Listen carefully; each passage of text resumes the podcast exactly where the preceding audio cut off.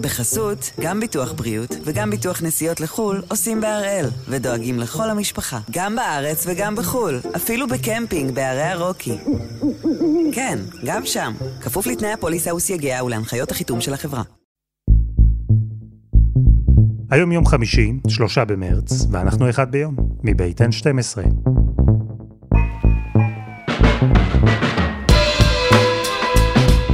אני אלעד שמחיוף, ואנחנו כאן כדי להבין טוב יותר מה קורה סביבנו, סיפור אחד ביום, כל יום.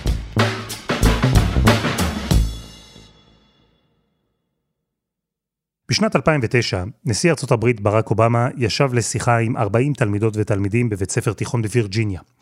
זו הייתה שיחה כלילה, אובמה טוב בשיחות כאלה, ובשלב מסוים אחד התלמידים שאל אותו איך הוא בעצמו יוכל להפוך לנשיא יום אחד. אובמה ענה תשובה מפתיעה. I want everybody here to be careful about what you post on Facebook. Because in the YouTube age, whatever you do, it will be pulled up again later somewhere in your life. תיזהר עם מה שאתה מעלה לפייסבוק וליוטיוב, זה הדבר הראשון. כך אמר אובמה. כי מתישהו בחיים, מישהו ישלוף את זה נגדך. אחר כך, כשתסיימו להאזין לנו כמובן, תחפשו ביוטיוב את המילים זלנסקי ופסנתר. תמצאו שם שני סרטונים, שניים, שבהם נראה נשיא אוקראינה. אחד הוא מערכון ישן, השני הוא חידוש של אותו מערכון משנת 2016. זלנסקי עלה לבמה לבוש בחליפה, הוא עמד מול פסנתר, בירך את הקהל והתחיל לנגן.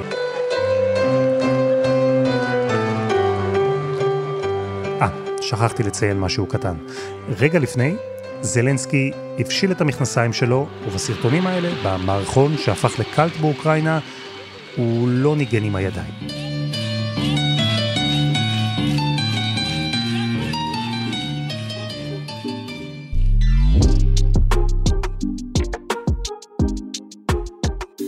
אז היום אנחנו עם הסיפור של וולודמיר זלנסקי, הבדרן, הקומיקאי, השחקן שהפך לנשיא אוקראינה. האיש שלפני כמה שנים היה הנשיא בטלוויזיה, והיום הוא הנשיא האמיתי. הנשיא שבין נאומים נחושים, שיחות עם מנהיגים בעולם, וסלפי מקייב הנצורה, מוביל את אוקראינה בזמן מלחמה. נחזור אחורה 44 שנים, למקום לא רחוק מאלו שבהם מסתובבים עכשיו טנקים רוסים. אנחנו במזרח אוקראינה, אז עדיין חלק חשוב ומרכזי בברית המועצות. הסיפור של זלנסקי מתחיל בעיר פרברית קטנה באוקראינה, שנקראת אה, קריבוי רוג. אה, הוא היה ילד למשפחה יהודית הכי טיפוסית שאפשר לדמיין באוקראינה. אבא שלו פרופסור למתמטיקה, האמא מהנדסת. דוקטור ג'ניפר שקבטור מכירה טוב מאוד את האזור, היא בעצמה נולדה וגדלה לא רחוק משם, והיום היא מרצה לדיפלומטיה ואסטרטגיה בבית הספר לאודר לממשל של אוניברסיטת רייכמן.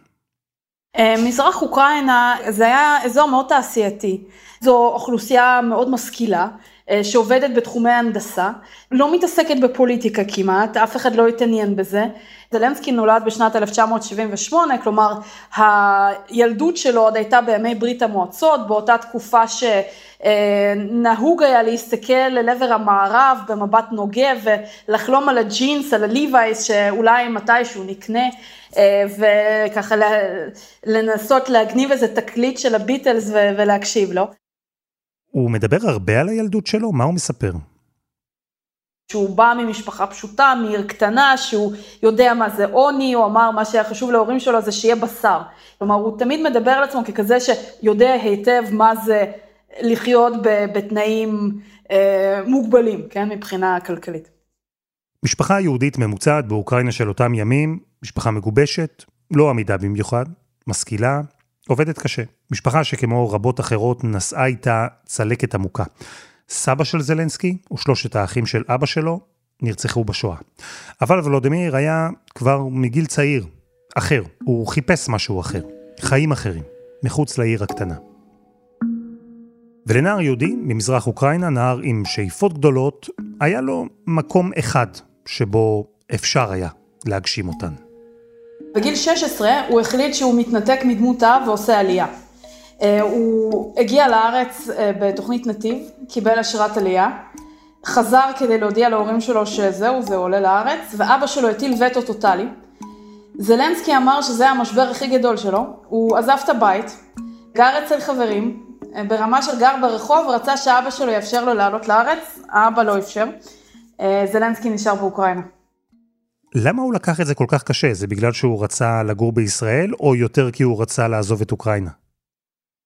אני חושבת שזה רצון לצאת מאוקראינה. באותה תקופה של שנות ה-90, רוב מי שלא היה לו איזשהו עסק מצליח או משהו כזה שבאמת אה, אפשר היה לראות בו איזה אה, עתיד כלכלי ניסה לצאת וגם זלנסקי אמר שכל מי שלמד איתו באותה כיתה של דוברי אנגלית שכולם עזבו. אה, רובם לארץ, הוא חי בסביבה שהיא מאוד יהודית, בכל האזור הזה של מזרח אוקראינה היה ריכוז גבוה של יהודים, רבים מהם עזבו לארץ, הוא היה בארץ הרבה פעמים, יש לו חברים קרובים מכאן, זה המיליה שממנו הוא מגיע. החיים הם דבר מעניין. אפשר רק לדמיין מה היה קורה אם אבא של זלנסקי הצעיר היה אומר לו, אתה רוצה לעלות לישראל? דוברה, או דאצ'י. זה הניסיון הלא מוצלח שלי לומר יופי בהצלחה באוקראינית.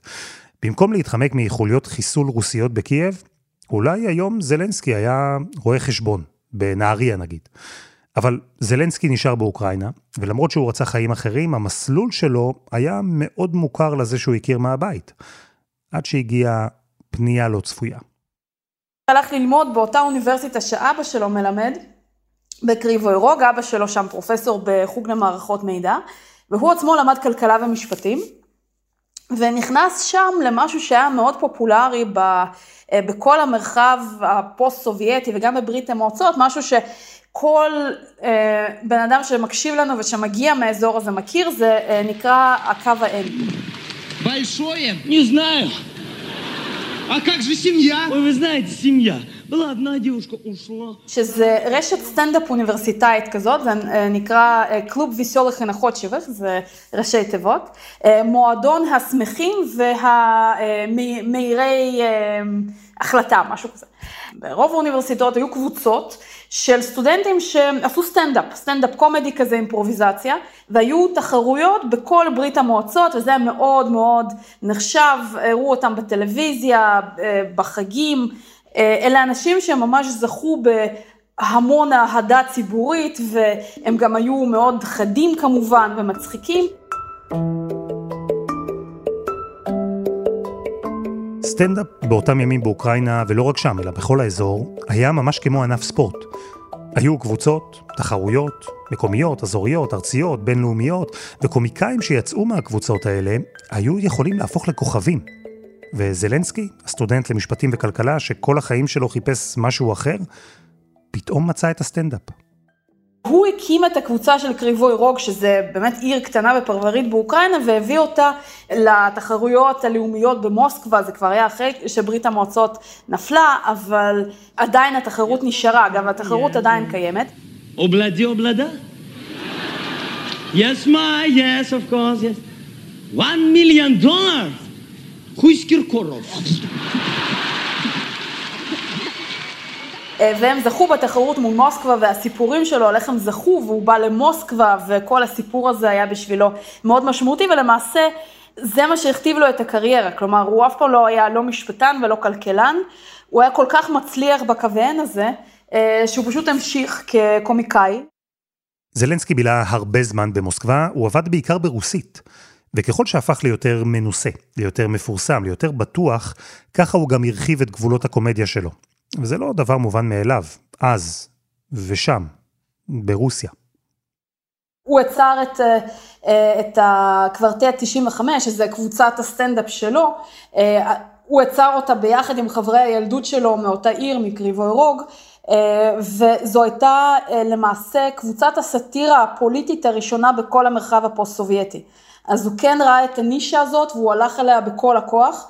אה, והוא עשה בשלב מסוים, אה, הוא גם עשה הרבה פרודיות על נשיאים אוקראינים וזה היה כל כך חזק בתעודה הציבורית שהנשיאים אפילו לפעמים באו אליו וככה ניסו אה, לרצות אותו, לדבר איתו כדי שיציגו אותם בצורה יותר חיובית, אז הוא קיבל מזה באוקראינה מעמד מאוד משמעותי, הוא למעשה בנה את הז'אנר, הז'אנר לא היה קיים של סאטירה פוליטית והוא נהיה הנציג המשמעותי ביותר שלו, בהתחלה באוקראינה ולאחר מכן הוא גם היה מוכר ב, אה, למעשה בכל המרחב הפוסט-סובייטי. הקריירה של זלנסקי כבדרן וקומיקאי תפסה תאוצה בבית באוקראינה. הוא הופיע בתוכניות טלוויזיה, בספיישלים, בסרטים, הוא דובב את הדוב פדינגטון בשני הסרטים שיצאו בגרסה האוקראינית. מיסטר בראון, זה дуже брутально. То дамо тобі англійське. Англійське ім'я. Падінгтон. Падінгтон. Падінгтон. Падінгтон. О, вибачте. הוא זכה במקום הראשון, ברוקדים עם כוכבים. Володимир Зеленський та Олена Шоптенко. ובכל הזמן הזה, זלנסקי היה בעצם יותר מבדרן. הוא הקים וניהל חברת הפקות, הוא יצר פרויקטים, ופיתח גם אג'נדה פוליטית, כזו שלא באה לידי ביטוי רק בסאטירה ורק במערכונים. ב-2014, כשרוסיה פלשה לאוקראינה וסיפחה את חצי האי קרים, חברת ההפקה של זלנסקי תרמה סכום כסף גדול לצבא האוקראיני. ופוליטיקאים רוסים זעמו. כן, זה היה רגע של שינוי לא רק עבור זלנסקי, עבור כל העם האוקראיני, שהם פחות התעסקו בעניין הזה, כלומר הייתה זהות אוקראינית בוודאי, והם גם דיברו אוקראינית, אבל זה לא היה כאיזושהי קונטרה כלפי אה, רוסיה. אה, הם כן רצו יותר להיות אירופאים, אבל גם זה, זה לא, לא היה בזה את העוצמות ואת הלהט שבא, ש, שהגיעו אחרי שנת 2014, וזלנסקי היה אחד המובילים מבחינת דעת הקהל, גם כסטיריקאי, אה, נגד כל הסכמה עם רוסיה, הוא אף פעם לא העלה על דעתו שקרים תישאר רוסית. אה, האוקראינים שראו את פורושנקו, את הנשיא הקודם, חותם על הסכמים ונכנע ולא נאבק, ו... זה היה נראה חלש, זה היה נראה לא אטרקטיבי, זה היה נראה שהוא פשוט דואג לכסף של עצמו, הנשיא הקודם, וזלנסקי בא גם עם אה, אה, מסרים שהם היו מאוד פטריוטיים נגד רוסיה. ואפשר להגיד שמהרגע הזה, הרגע שבו התעוררה הפטריוטיות האוקראינית סביב קרים, הרגע שבו זלנסקי גם התחיל להשמיע קול ברור וחד נגד רוסיה, אז הרגע הזה יצר בחייו עוד פנייה חדה. פנייה שבהמשך שלה, הבדרן הפופולרי של אוקראינה הפך לנשיא שפוטין מאוד רוצה לחסל. אבל קודם, חסות אחת, וממש מיד חוזרים.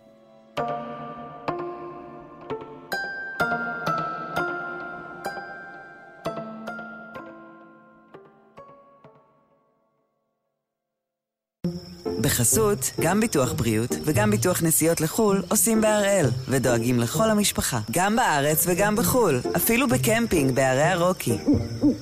כן, גם שם, כפוף לתנאי הפוליסה וסייגיה ולהנחיות החיתום של החברה. אנחנו עם הסיפור של וולודמיר זלנסקי, נשיא אוקראינה, האיש שמוביל אותה עכשיו בדיונים, בהחלטות, בפגישות עם מנהיגים ובסלפי מקייב, במהלך התקופה הכי קשה שחוותה המדינה בעשורים האחרונים, כשהיא נמצאת תחת מתקפה של הצבא הרוסי. ואחרי סיפוח קרים, אחרי ההתעוררות הלאומנית של אוקראינה, ואולי גם ההתעוררות הפוליטית של זלנסקי עצמו, באוקטובר 2015 הוא החליט להיכנס לפוליטיקה. כלומר, על המסך. Yeah. люблю свою страну, люблю свою жену. בערוץ 1 פלוס 1 האוקראיני עלתה לאוויר סדרה קומית חדשה, משרת העם שמה. חברת ההפקות של זלנסקי יצרה והפיקה אותה, והוא בתפקיד הראשי, וסילי פטרוביץ' גולובורודקו.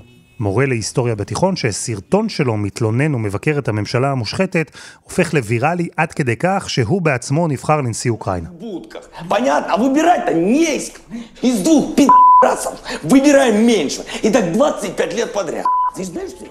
הוא היה נשיא שאחד מסימני ההיכר שלו היה שהוא רוכב על אופניים. שבשביל התרבות הפוליטית המקומית זה, זה נתפס כ, כמשהו ככה ממש אה, שונה ו, ו, ומשונה. אה, נשיא שהוא לא מסתכל על המשכורת שלו, נשיא שהוא מביא כיועצים שלו את החברים שלו מהילדות, שגם הם באים מה, מהעם ומה, אה, ומהסביבה הרגילה שלו, כלומר כל סממן שהוא לא סממן של עושר, לא סממן של איזשהו show off, אה, לרכב על אופניים, לדאוג לסקטור הציבורי, לדאוג למורים, כלומר אחד, אחד מהעם מישהו פשוט, מישהו שגר במקום פשוט, איש משפחה, כל הדברים שהאוקראיני הממוצע היה יכול להזדהות איתם. כנות, יושר, דאגה, צניעות, אלו דברים שממש לא אפיינו את הפוליטיקאים באוקראינה. למען האמת הם לא מאפיינים הרבה פוליטיקאים גם בעוד מקומות. אבל הנשיא גולובורודקו הצליח לסחוף את הצופים האוקראינים. חד משמעית, הם רצו אותו. הם רצו את האדם הפשוט שמחובר למשפחה שלו, לשורשים שלו, שרוכב על אופניים, שיודע לדבר בגובה העיניים לאוליגרכים ולא מתכופף, שאוהב אה, להסתובב ב, ככה בחוץ. כלומר, כל, מה שהאוליגרכים לא ייצגו. אז הוא בדיוק ההפך וזה מה שהם רצו.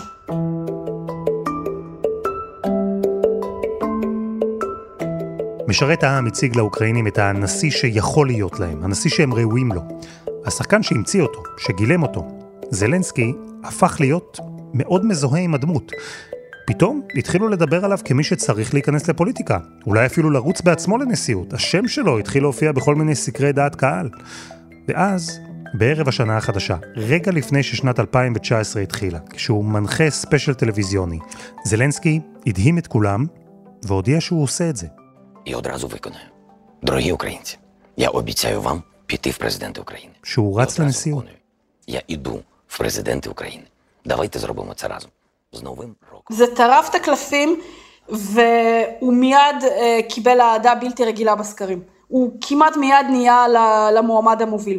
כל הפוליטיקאים שלמעשה ראו בזה כמו אה, משחק של כיסאות כזה, שאחד נכנס, אחד יוצא, אבל זה אותם אנשים, אותם שלושה, ארבעה, חמישה אנשים שמתחלפים בתפקידים האלה, ופתאום בא מישהו צעיר, רענן, אה, חד, אחד משלנו, כמו בסדרה, אה, זה, זה נתפס בצורה מדהימה. הוא ידע את המשחק התקשורתי אה, למשעי בצורה מושלמת, והוא בהחלט ניצל את זה לטובתו. היה לו קמפיין? מה, מה הוא הציג בו? מה הייתה האג'נדה?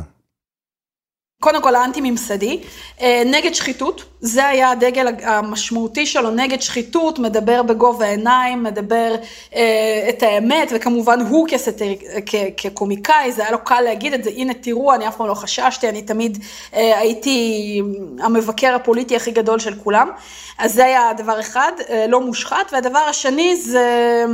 נגד רוסיה, שזה היה טיקט יותר מורכב בשבילו, כן? כי אין לו ניסיון, אבל הטענה שלו הייתה שכל הנשיאים הקודמים התכופפו יותר מדי, והוא היה פרו-אירופאי בצורה מאוד משמעותית. תחשבו מה היה קורה אם במקביל לשידור של פולישוק בטלוויזיה, ששון גבאי היה מודיע שהוא רץ לראשות הממשלה. מוזר, נכון? הייתם מאמינים לו?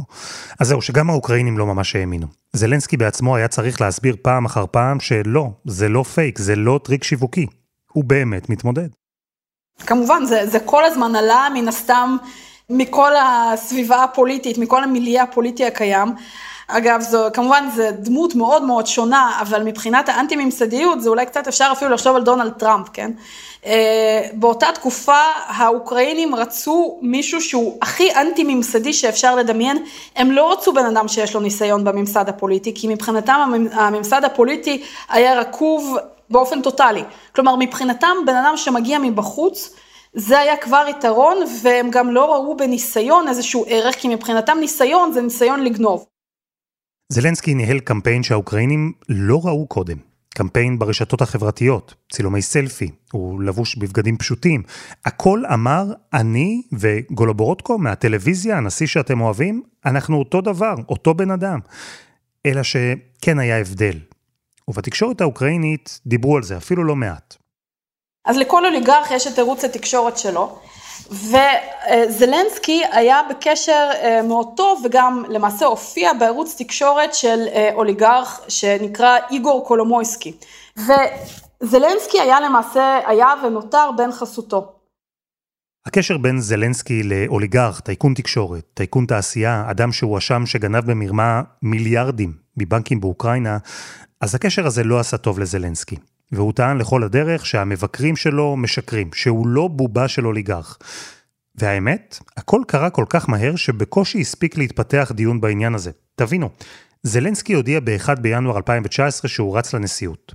במאי, בסך הכל קצת יותר מארבעה חודשים אחרי, הקומיקאי המפורסם, השחקן המוכר, הפך לנשיא אוקראינה. הוא זכה ב-73% מהקולות. Зробили це разом. בגלל שהיה לו כל כך הרבה קולות שהוא זכה בהם, הוא החליף כמעט את כל הפרלמנט, ומשהו כמו שני שליש היו אנשים ללא כל ניסיון פוליטי קודם. הוא הביא אנשים מארגוני חברה אזרחית, מהסקטור הפרטי, וזה מה שרצו, זה מה שציפו ממנו, כן? הרעיון באוקראינה של, אותה, של, של אותן שנים היה אה, להחליף את הממסד הפוליטי כמה שיותר, לבנות אותו מחדש ולקוות לטוב. ו? כגודל הציפייה, גודל האכזבה, הוא, הוא לא הצליח כמעט בשום דבר. בנובמבר 2021, מידת התמיכה בו הייתה 19 אחוז. דירוג האמון בו אה, מאוד מהר אה, נפל ואין שום הישג שאפשר באמת לזקוף לזכותו. אה, הוא התמודד עם הקורונה בצורה סבירה, גם היחסים שלו עם מנהיגים אחרים, הוא לא נתפס, היה לו קצת קשה להיכנס לנעליים האלה, הוא לא נתפס כנגיד שווה בין שווים עם מנהיגי אירופה, זה היה לו קצת קשה בתפקיד הזה, בלי רקע פוליטי, בלי רקע דיפלומטי, אה, דשדש בגדול. אמרנו כבר, החיים הם דבר מעניין. אז תחילת הכהונה שלו, היה נראה שזלנסקי יירשם בהיסטוריה כנשיא לא פופולרי, לא מוצלח. אז זהו, שהניסיון הלא מוצלח של זלנסקי להתקרב למערב בימים ההם, משך את תשומת הלב של אחד, ולדימיר פוטין. והוא, איך נאמר, לא היה אחד מחובבי הסדרה משרת העם. פוטין אפילו אף פעם לא קרא לו בשמו בתקשורת. רוקבוצטו אוקראינה.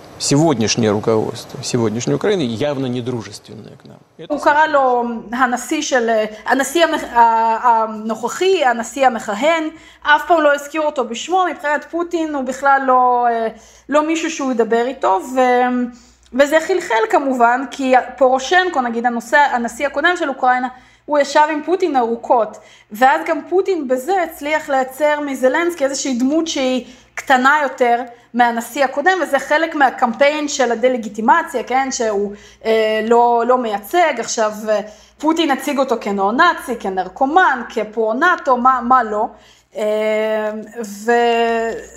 והיה לו, לו קשה גם ברחוב האוקראיני להתמודד עם, עם זה שאין לו את הכריזמה הזאת, כן, שמאפשרת אה, הידברות בגובה העיניים עם, ה, עם המנהיג הגדול מצפון. אז אנחנו מדברים על נשיא בלי ניסיון, בלי מעמד, לא פופולרי, נשיא שבעצמו אמר שבכלל לא בטוח שהוא ירוץ לכהונה שנייה, והנה, כבר חודשים שפוטין, אותו מנהיג שניסה לגמד אותו ולהקטין אותו, מרכז כוחות, אפילו פלש לאוקראינה, והכל לכאורה כדי להפיל את זלנסקי. אה, אני חושבת, עם כל הכבוד לזלנסקי, שזה לא היה קשור אליו. כלומר, זה, זה, זה היה הרגע שהוא, שפוטין הבשיל. אה, וזלנסקי היה איזשהו בובה שהיה נוח לפוטין להציג בצורה ש, שהוא הוצג בה, זה לא, אני לא חושבת שהיה משהו שזלנסקי יכל או לא יכל לעשות, חוץ מאשר באמת להתכופף, אבל גם אם היה מתכופף ואומר אנחנו לא נצטרף לנאט"ו, קודם כל הדבר הזה היה מתקבל בצורה מזעזעת ברחוב האוקראיני, אה, ושנית לא בטוח שזה היה עוזר, כי, כי זה היה רק תירוץ. אז אני חושבת שהוא היה כאן, זה לא היו דברים שהיו בשליטתו, וגם מבחינת העיתוי, זה היה העיתוי של פוטין, לא העיתוי של זלנסקי.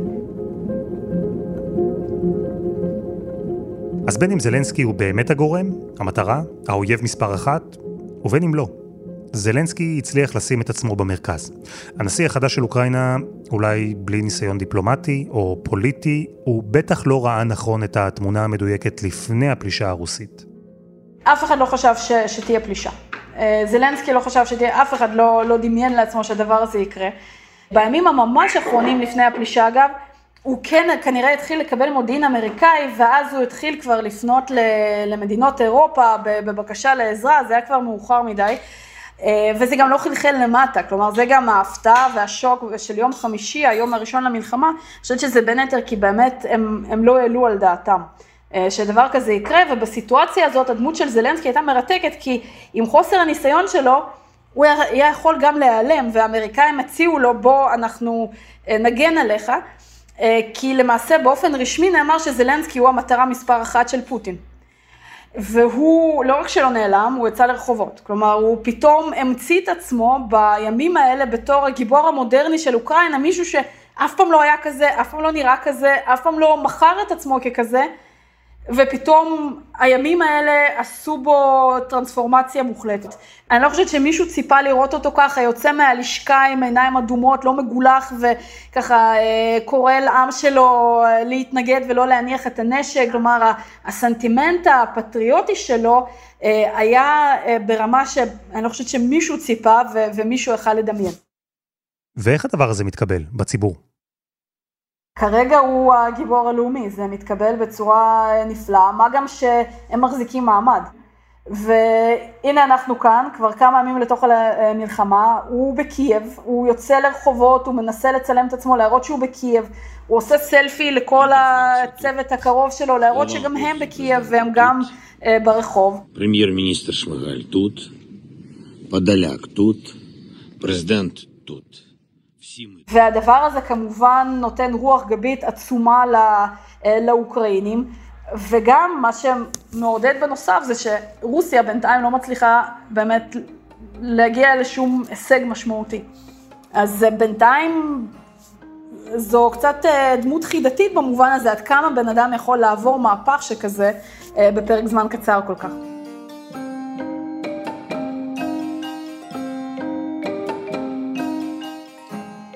וזה היה אחד ביום של N12. העורך שלנו הוא רום אטיק, תחקיר והפקה רוני ארניב, עדי חצרוני ודני נודלמן, על הסאונד יאיר בשן שגם יצר את מוזיקת הפתיחה שלנו, ואני אלעד שמחיוף. אנחנו נהיה כאן שוב גם בשבוע הבא.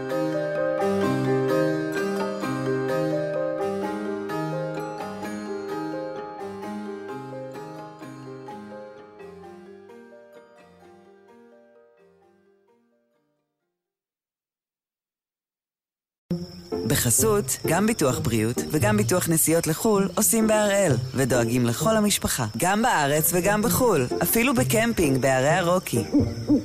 כן, גם שם, כפוף לתנאי הפוליסה וסייגיה ולהנחיות החיתום של החברה.